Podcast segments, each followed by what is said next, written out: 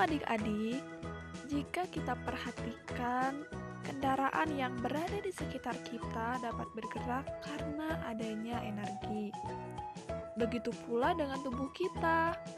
Apakah adik-adik masih ingat sumber energi yang kita perlukan agar tubuh kita bisa bergerak? Iya, benar.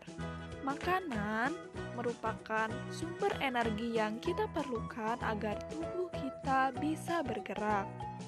Dengan mengkonsumsi makanan yang baik dan cukup, tubuh kita dapat melakukan berbagai aktivitas sehari-hari dengan baik. Nah, mulai dari sekarang, ayo kita mengkonsumsi makanan yang baik dan cukup agar aktivitas yang kita lakukan sehari-hari dapat berjalan dengan baik.